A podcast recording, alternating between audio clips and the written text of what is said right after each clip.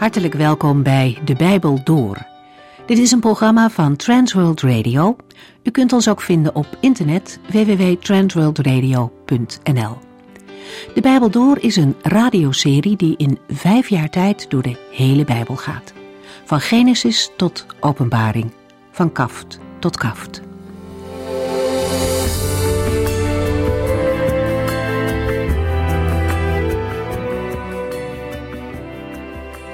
Het tweede boek in de psalmen begint bij psalm 42. Er zijn overeenkomsten tussen de vijf psalmboeken en de vijf boeken van Mozes. Centraal in zowel het tweede psalmboek als in Exodus staat de nood van het verdrukte volk van God en de verlossing die God hen geeft. Ook in Psalm 44, waar het vandaag over gaat, staat hoe het volk van God onder de overheersing van andere volken leidt. De eerste acht psalmen uit het tweede deel zijn geschreven door de Korachieten. Korach was een leviet die met Datan en Abiram in opstand kwam tegen Mozes. De gevolgen waren vreselijk. Zij kwamen om door een rechtstreeks oordeel van God. De zonen van Korach echter werden gespaard. In de tijd van David werden zij aangesteld als zangers in het heiligdom. En ze hebben honderden jaren lang een belangrijke rol in de tempelmuziek vervuld. De schrijver van Psalm 42 verlangt intens naar de Heere God. Hij herinnert zich hoe hij in het verleden met andere gelovigen naar het heiligdom van de Heere ging en feest vierde. En nu vraagt hij zich vertwijfeld af wanneer hij weer voor Gods aangezicht zal komen. Hij verkeert in een vijandige omgeving, waardoor het voor hem onmogelijk is om naar de stad van God, naar Jeruzalem te gaan. En ook mensen in zijn buurt vragen hem waar zijn God toch is. En toch geeft de herinnering aan de vroegere omgang met de Heere hem ook nu nieuwe hoop. Zoals hij de aanwezigheid van de Heere vroeger heeft ervaren, zo kan het weer worden. Hij spreekt zichzelf moed in, vermaant zichzelf als het ware, om zijn hoop op God te blijven vestigen. Als een refrein komt dat vers verschillende keren terug, ook in Psalm 43. We hebben de vorige keer besproken dat deze twee psalmen eigenlijk één geheel vormen. In Psalm 42 komen vooral het verlangen en de klacht van de dichter naar voren, en in Psalm 43 lezen we dan van een sterk vertrouwen dat er verlossing zal komen.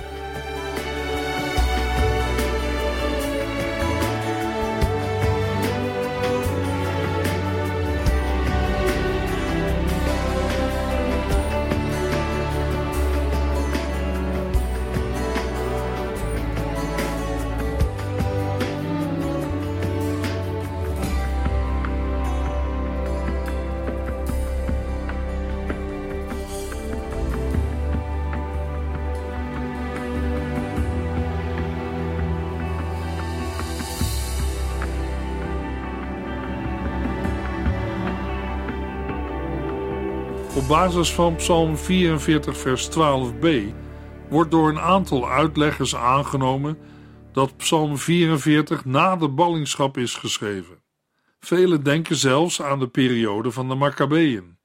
Maar wij zijn onder andere volken verdeeld geraakt, hoeft niet uitsluitend op de Babylonische ballingschap te wijzen.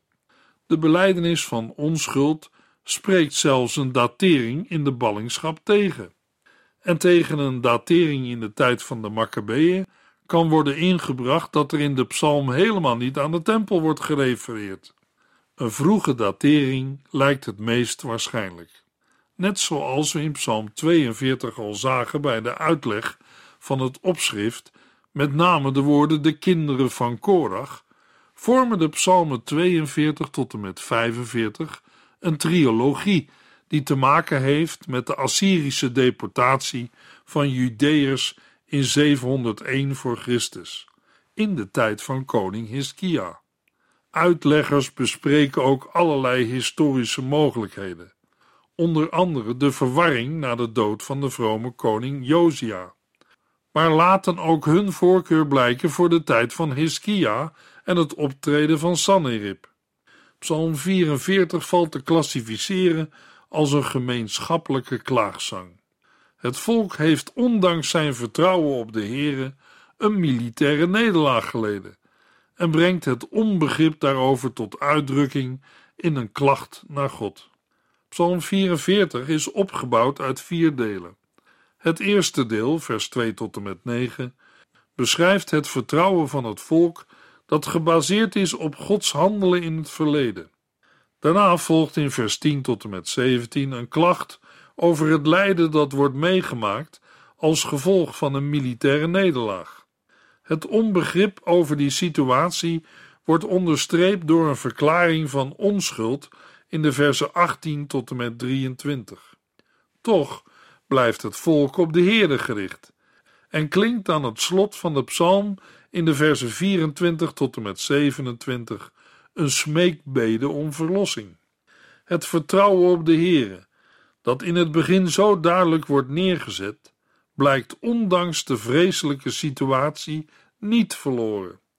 Het is mogelijk dat Psalm 44 als beurtzang werd gezongen, waarbij de koning en het volk elkaar afwisselden. Die visie biedt een goede reden voor de afwisseling van de enkelvoudige en meervoudige persoonsvormen ik en wij. Toch is het niet uitgesloten dat het volk als geheel de delen waarin het enkelvoudige ik voorkomt, uitsprak om individueel in te stemmen met de verschillende belijdenissen. Psalm 44, vers 1. Een leerzaam gezang van de koragieten voor de koordirigent. In de aanhef komen we woorden en uitdrukkingen tegen die we al eerder hebben besproken. Voor koordirigent verwijs ik naar de uitzending over Psalm 4. En voor koragieten en een leerzaam gezang naar de vorige uitzending over Psalm 42. Psalm 44, vers 2 tot en met 9. God, onze ouders hebben ons steeds weer verteld hoe u in de geschiedenis met ons volk hebt gehandeld. Wij hebben het zelf gehoord. Eigenhandig hebt u de volken weggejaagd en onze voorouders in het land gezet. U hebt andere volken verdrukt en onze voorouders sterker laten worden. Zij hebben echt niet zelf het land veroverd. Nog hun zwaard, nog hun lichamelijke kracht heeft hen bevrijd. Uw kracht en uw zorg hebben dat gedaan, omdat u hen liefhad. God, u bent mijn koning. Zorgt u toch voor de verlossing van uw volk. In uw kracht vellen wij onze tegenstanders en in uw naam lopen wij hen die tegen ons in opstand komen onder de voet. Ik vertrouw niet op mijn boog en verwacht geen verlossing van mijn zwaard. U hebt ons bevrijd van onze vijanden. Hen die ons haten hebben u voor schut gezet. Wij beroemen ons voortdurend op onze God. Uw naam zullen wij altijd prijzen. Het is de Israëlieten van jongs af aan al verteld, van generatie op generatie, dat de Heer het volk uit Egypte heeft geleid en heeft doen wonen in Canaan. Dankzij Gods leiding en hulp kon het volk Israël het beloofde land gaan bewonen en bewerken. De woorden van de eerste verse klinken positief, maar gezien de context zijn ze ironisch. In het vervolg maakt de dichter duidelijk dat het vertrouwen dat de Israëlieten van jongs af aan hebben meegekregen, op gruwelijke wijze is beschaamd. Bijzonder pijnlijk zijn de woorden aan het slot van vers 4. Daar wordt de verlossing van de Heere gekoppeld aan zijn liefde voor zijn volk. Het wordt niet direct zo gezegd, maar achter deze woorden schuilt de gedachte dat Gods liefde niet uitgaat naar de huidige generatie Israëlieten, omdat zij hebben ervaren dat Gods verlossing is uitgebleven. Dat blijkt in vers 5. Het koningschap van God staat ter discussie, nu Israël een nederlaag heeft moeten incasseren. Het verzoek om verlossing in het tweede deel van vers 5 toont de richting van de psalm. Al duurt het nog even voordat er een ander gebed volgt. Het is alsof de diepe emotie van de teleurstelling op het slagveld zo groot is dat die hier al doorcijpelt, terwijl deze pas in de versen 10 tot en met 17 aan de orde komt. De dichter bedwingt zich en zet in vers 6 zijn belijdenis voort. In vers 6 wordt door het volk beleden dat met de hulp van de Heere veldslagen worden gewonnen. Maar Gods hulp sluit eigen inzet niet uit. maar doet die inzet juist succesvol en effectief zijn. Zo was het in het verleden. Zo is het nu nog steeds. Met Gods hulp kunnen de Israëlieten hun vijanden onder de voet lopen. De dichter gebruikt het beeld van een aanstormende stier die zijn kracht toont door middel van zijn horens. In vers 7 beleidt de koning, in het verlengde van vers 4, dat ook hij geen vertrouwen heeft in zijn wapens. Hij beseft terdege dat zijn verlossing afhankelijk is van de Heere. Alsof er niets anders is ervaren dan de woorden van de beleidenis aangeven, heft het volk in vers 8 een lofzang aan. Gezien het vervolg zijn deze woorden waarschijnlijk een pleitgrond voor het gebed dat volgt. Het volk geeft aan op de Heere te vertrouwen en suggereert daarmee dat de Heere hen toch te hulp zal moeten schieten.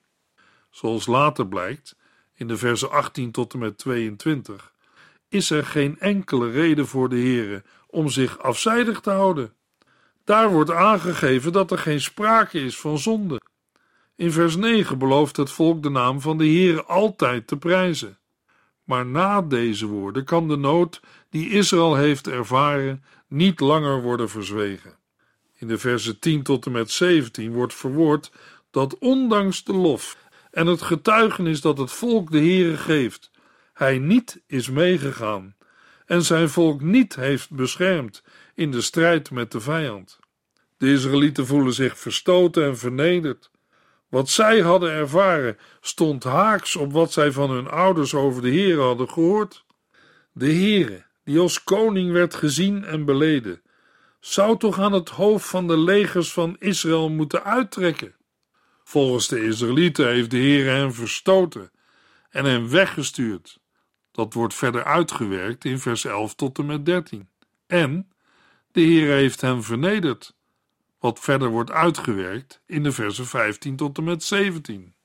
De afwezigheid van de Heer wordt pas gemerkt op het slagveld, tijdens de ontmoeting met de vijand. Als de strijd losbarst, wordt duidelijk dat Israël niet tegen de vijand is opgewassen.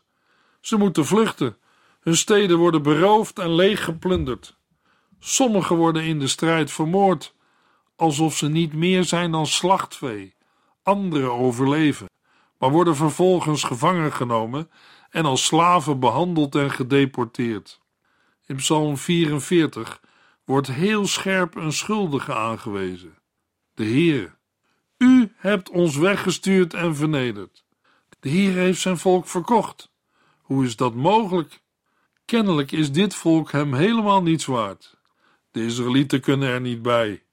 Uit vers 2 tot en met 9 is gebleken dat de Heere niet onmachtig is. Maar nu blijkt hij moedwillig afwezig. De nederlaag heeft grote gevolgen voor het volk. Ze moeten vluchten of worden weggevoerd in gevangenschap.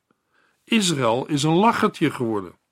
De buurvolken schudden vol medelijden het hoofd over Israël, maar genieten ondertussen van het leed dat hen is overkomen. Nu het vertrouwen vals is gebleken en de nederlaag een feit, raakte schande de koning in het bijzonder. Hij vertegenwoordigde de Heere. Hij heeft zijn leger aangevoerd in de strijd, die door God zou worden gewonnen. Maar er kwam geen overwinning. Het land ligt verwoest. De oorlog heeft zijn sporen nagelaten. En ook de koning wordt bespot. In de versen 18 tot en met 23 wordt de wanhoop van de Israëlieten eindelijk concreet en expliciet onder woorden gebracht. De ellende is hen wel overkomen, maar in die ellende zijn zij de Heeren niet vergeten. Ze hebben zijn geboden niet overboord gegooid. Ze zijn niet afgeweken van Gods wet, niet in hun hart, maar ook niet in de praktijk. Op een haast cynische wijze wordt verbondsbreuk hier als onmogelijk afgedaan. Zou de Heer het niet hebben opgemerkt als ze hem links hadden laten liggen, of als ze andere goden waren gaan dienen? Natuurlijk, want de Heere kent elke uithoek van het menselijke hart. De laatste woorden van de klacht zijn het meest schrijnend. Het lijden en sterven zijn niet het gevolg van zonde van het volk. Het is omwille van de Heere. Psalm 44, vers 23. Werkelijk, ter wille van u zijn wij voortdurend in levensgevaar. Wij worden beschouwd als schapen op weg naar het slachthuis.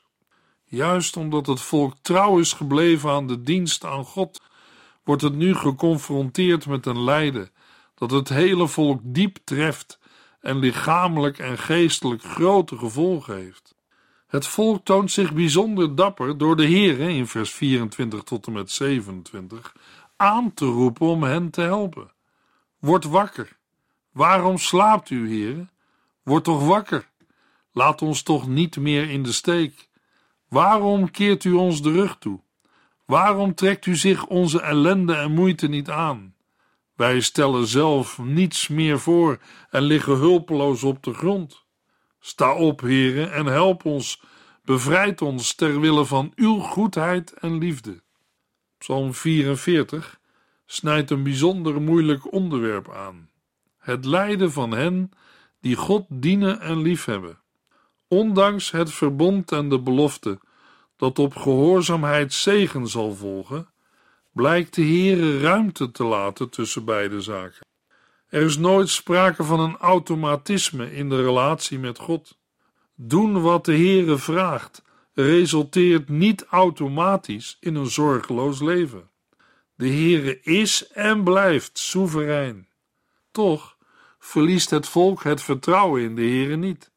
En daarmee is het een prachtig voorbeeld voor ons om na te volgen. De jonge christelijke gemeente in Rome dreigde dit getuigenis van vertrouwen in God los te laten. En daarom citeert Paulus Psalm 44 in Romeinen 8, vers 36. Daarmee ontkracht Paulus het idee dat christen zijn en zorgeloos leven hand in hand gaan. Lijden is voor Paulus geen enkele reden om aan te nemen dat Gods gratie is verspeeld of dat de overwinning niet reëel is. Integendeel, Gods liefde is gegarandeerd in Jezus Christus. We gaan verder met Psalm 45. Psalm 45 gaat niet direct over God en is niet op hem gericht, maar op mensen, in het bijzonder op de koning. Dat is uitzonderlijk. De psalm is waarschijnlijk voor een specifieke bruiloft geschreven. Uitleggers denken aan die van Salomo of die van Agab, maar beide opties zijn moeilijk te verdedigen. In ieder geval moet de psalm ontstaan zijn in de tijd van het koningschap. Na een aantal psalmen waarin het lijden een grote rol speelt, is de toon van psalm 45 radicaal anders. Er is sprake van vreugde, gejubel en feest. De Heere heeft macht aan de koning verleend. Deze moet namens hem op aarde optreden. Als de koning dat doet, zal het lijden worden bestreden, want de koning houdt van rechtvaardigheid. Psalm 45 bestaat naast het opschrift uit vier delen. In de eerste plaats beschrijft de dichter in vers 2 zijn taak. Vervolgens bezingt hij de koning in de versen 3 tot en met 10 en de koningin in de versen 11 tot en met 16 om tenslotte een zegenbede uit te spreken in de versen 17 en 18, die gericht is op de belofte van zegen aan het koningshuis van David. De troon van de koning staat voor altijd vast, en vanwege zijn liefde voor het recht, ja, daarom wordt hij gezalfd. Psalm 45, vers 1. Een leerzaam gezang van de Koragieten voor de koordirigent te zingen op de wijs van de lelies, een liefdeslied. De psalm is net als de vorige liederen een leerzaam gezang van de Koragieten. Nieuw zijn de woorden op de wijs van de lelies en een liefdeslied. De aanwijzing op de wijs van de lelies geeft de toon, melodie of muzikale compositie aan. Dezelfde wijs wordt ook gebruikt voor de psalmen 69 en 80. De uitdrukking een liefdeslied is uniek in het Bijbelboek Psalmen. Het blijkt in Psalm 45 specifiek om een huwelijksceremonie te gaan. Psalm 45, vers 2. Mijn hart trilt van vreugde. Ik lees mijn gedicht voor aan een koning. Mijn stem klinkt als de pen van een begaafd dichter. Vol enthousiasme introduceert de dichter zichzelf en zijn lied. Geïnspireerd door wat er om hem heen gebeurt, komt het lied haast vanzelf naar boven en de voordracht is bijzonder op zijn plaats. Zijn werk moet gehoord worden. Hij draagt het voor aan de koning. Psalm 45, vers 3. U bent mooier dan welk mens ook, en wat u zegt is een lust voor het oor. Het is duidelijk dat God u heeft gezegend. Na de korte introductie van zijn eigen persoon richt de dichter zich nu op de koning. Hij bezingt hem op een persoonlijke manier. Zijn schoonheid gaat die van de andere mensen te boven.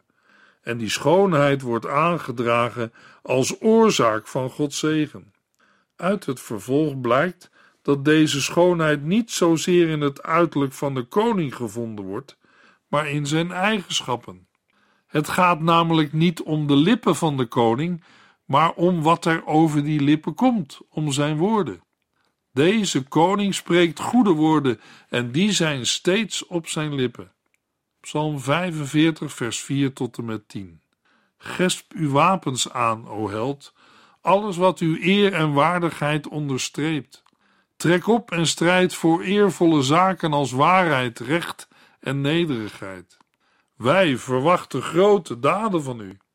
U bent klaar voor de strijd. U beheerst de volken. Uw pijlen dringen tot in het hart van uw vijanden. Uw troon, o goddelijke koning, staat tot in eeuwigheid vast. Uw bewind is een rechtvaardig bewind. U houdt van rechtvaardigheid en haat wetteloosheid. Daarom heeft uw God u met vreugdeolie gezalfd, u verkozen boven uw metgezellen. U bent gekleed in pracht en praal. U verheugt zich in liefelijke muziek uit prachtige paleizen. Prinsessen zijn uw geliefden. Uw vrouw staat in het fijnste goud gehuld naast u. De zegen die door de Heer aan deze genade wordt verbonden, blijkt in de overwinningen op de vijand. De schoonheid waar vers 3 van sprak, is niet alleen gelegen in de woorden van de koning, maar ook in zijn daden. Die daden zijn militair van aard, en daarom wordt de held opgeroepen zijn zwaard aan te gorden. Zijn strijd heeft tot doel om waarheid, nederigheid en rechtvaardigheid te bewerken. In Israël was de koning het hoofd van de strijdmachten, maar tegelijk de vertegenwoordiger van de Heere op aarde. Het is zijn taak om Gods wil uit te voeren, om te handhaven of te herstellen wat in overeenstemming is met het plan van God. Met dat doel rijdt de koning uit. De grote daden die worden verwacht zijn tekenen van zijn macht, die de Heere hem heeft gegeven. De koning heeft een geleend gezag vanwege zijn positie tussen God en mensen.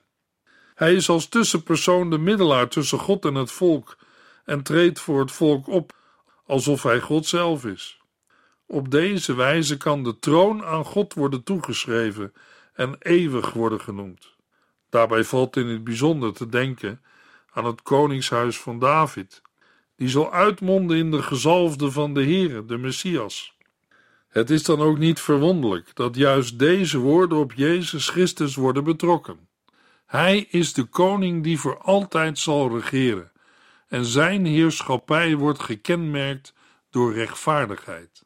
Hij is de zoon van David, die werkelijk God genoemd kan worden. De associatie met de gezalfde wordt versterkt doordat er in vers 8 over zalven wordt gesproken. Het Hebreeuwse woord voor gezalfde is Messias. De Griekse vorm is Christus. Langzaam werkt de dichter toe naar de climax. Hij sprak al over geur en klank. Nu wijst hij in vers 10 via prinsessen naar het hoogtepunt, de bruid.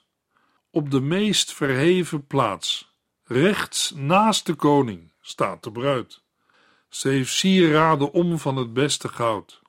De dichter ziet het schouwspel al voor zich, terwijl de bruid zich nog bij de bruidegom moet voegen. Hij kijkt met deze woorden vooruit naar vers 15 en 16. In Psalm 45, vers 11 tot en met 16 wordt de lof van de koningin bezongen. In de versen 11 tot en met 13 wordt de bruid zelf aangesproken. De versen 14 tot en met 16 beschrijven haar situatie in woorden die voor de koning bestemd zijn. Psalm 45, vers 18. Ik zal uw naam aan alle volgende generaties doorgeven. Men zal u altijd blijven prijzen.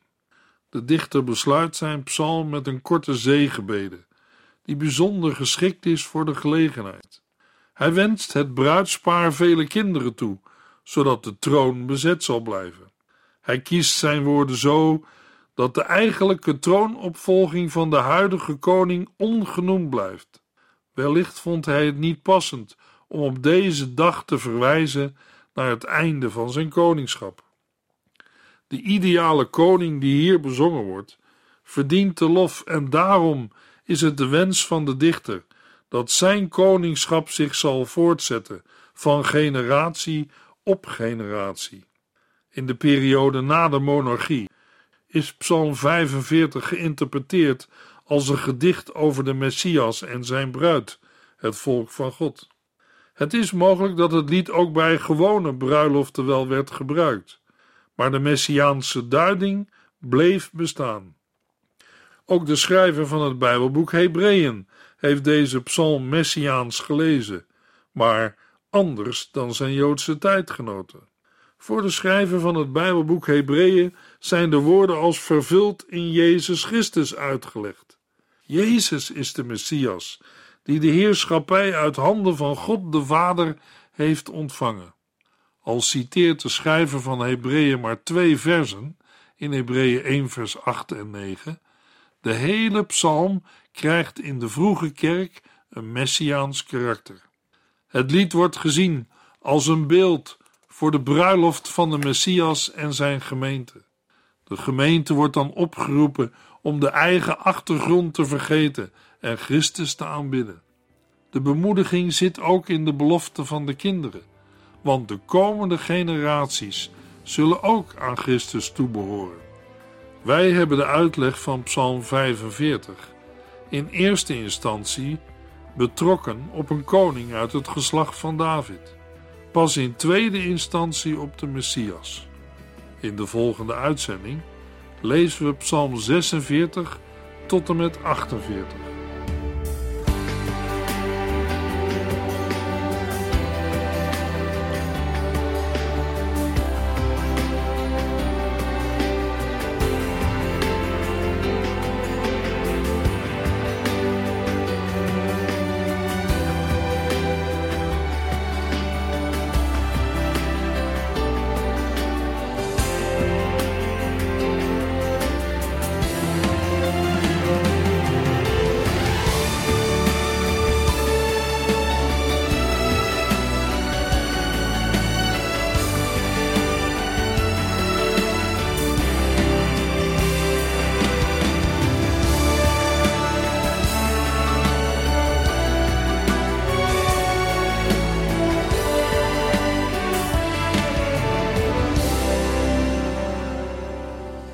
Eindigt deze aflevering van De Bijbel Door. Een serie programma's van Transworld Radio. Wilt u ons iets vragen of meer weten? Dan kunt u altijd contact met ons opnemen. Bellen kan overdag met 0342 478432. Per post Transworld Radio. Postbus 371. Postcode 3770. Anton Johannes in Barneveld. En e-mailen kan ook. De Bijbel door at transworldradio.nl En natuurlijk ook via onze website transworldradio.nl Dit programma werd gepresenteerd door Cor Weda en Ike André. En namens iedereen die er nog meer aan meegewerkt heeft, graag tot de volgende keer.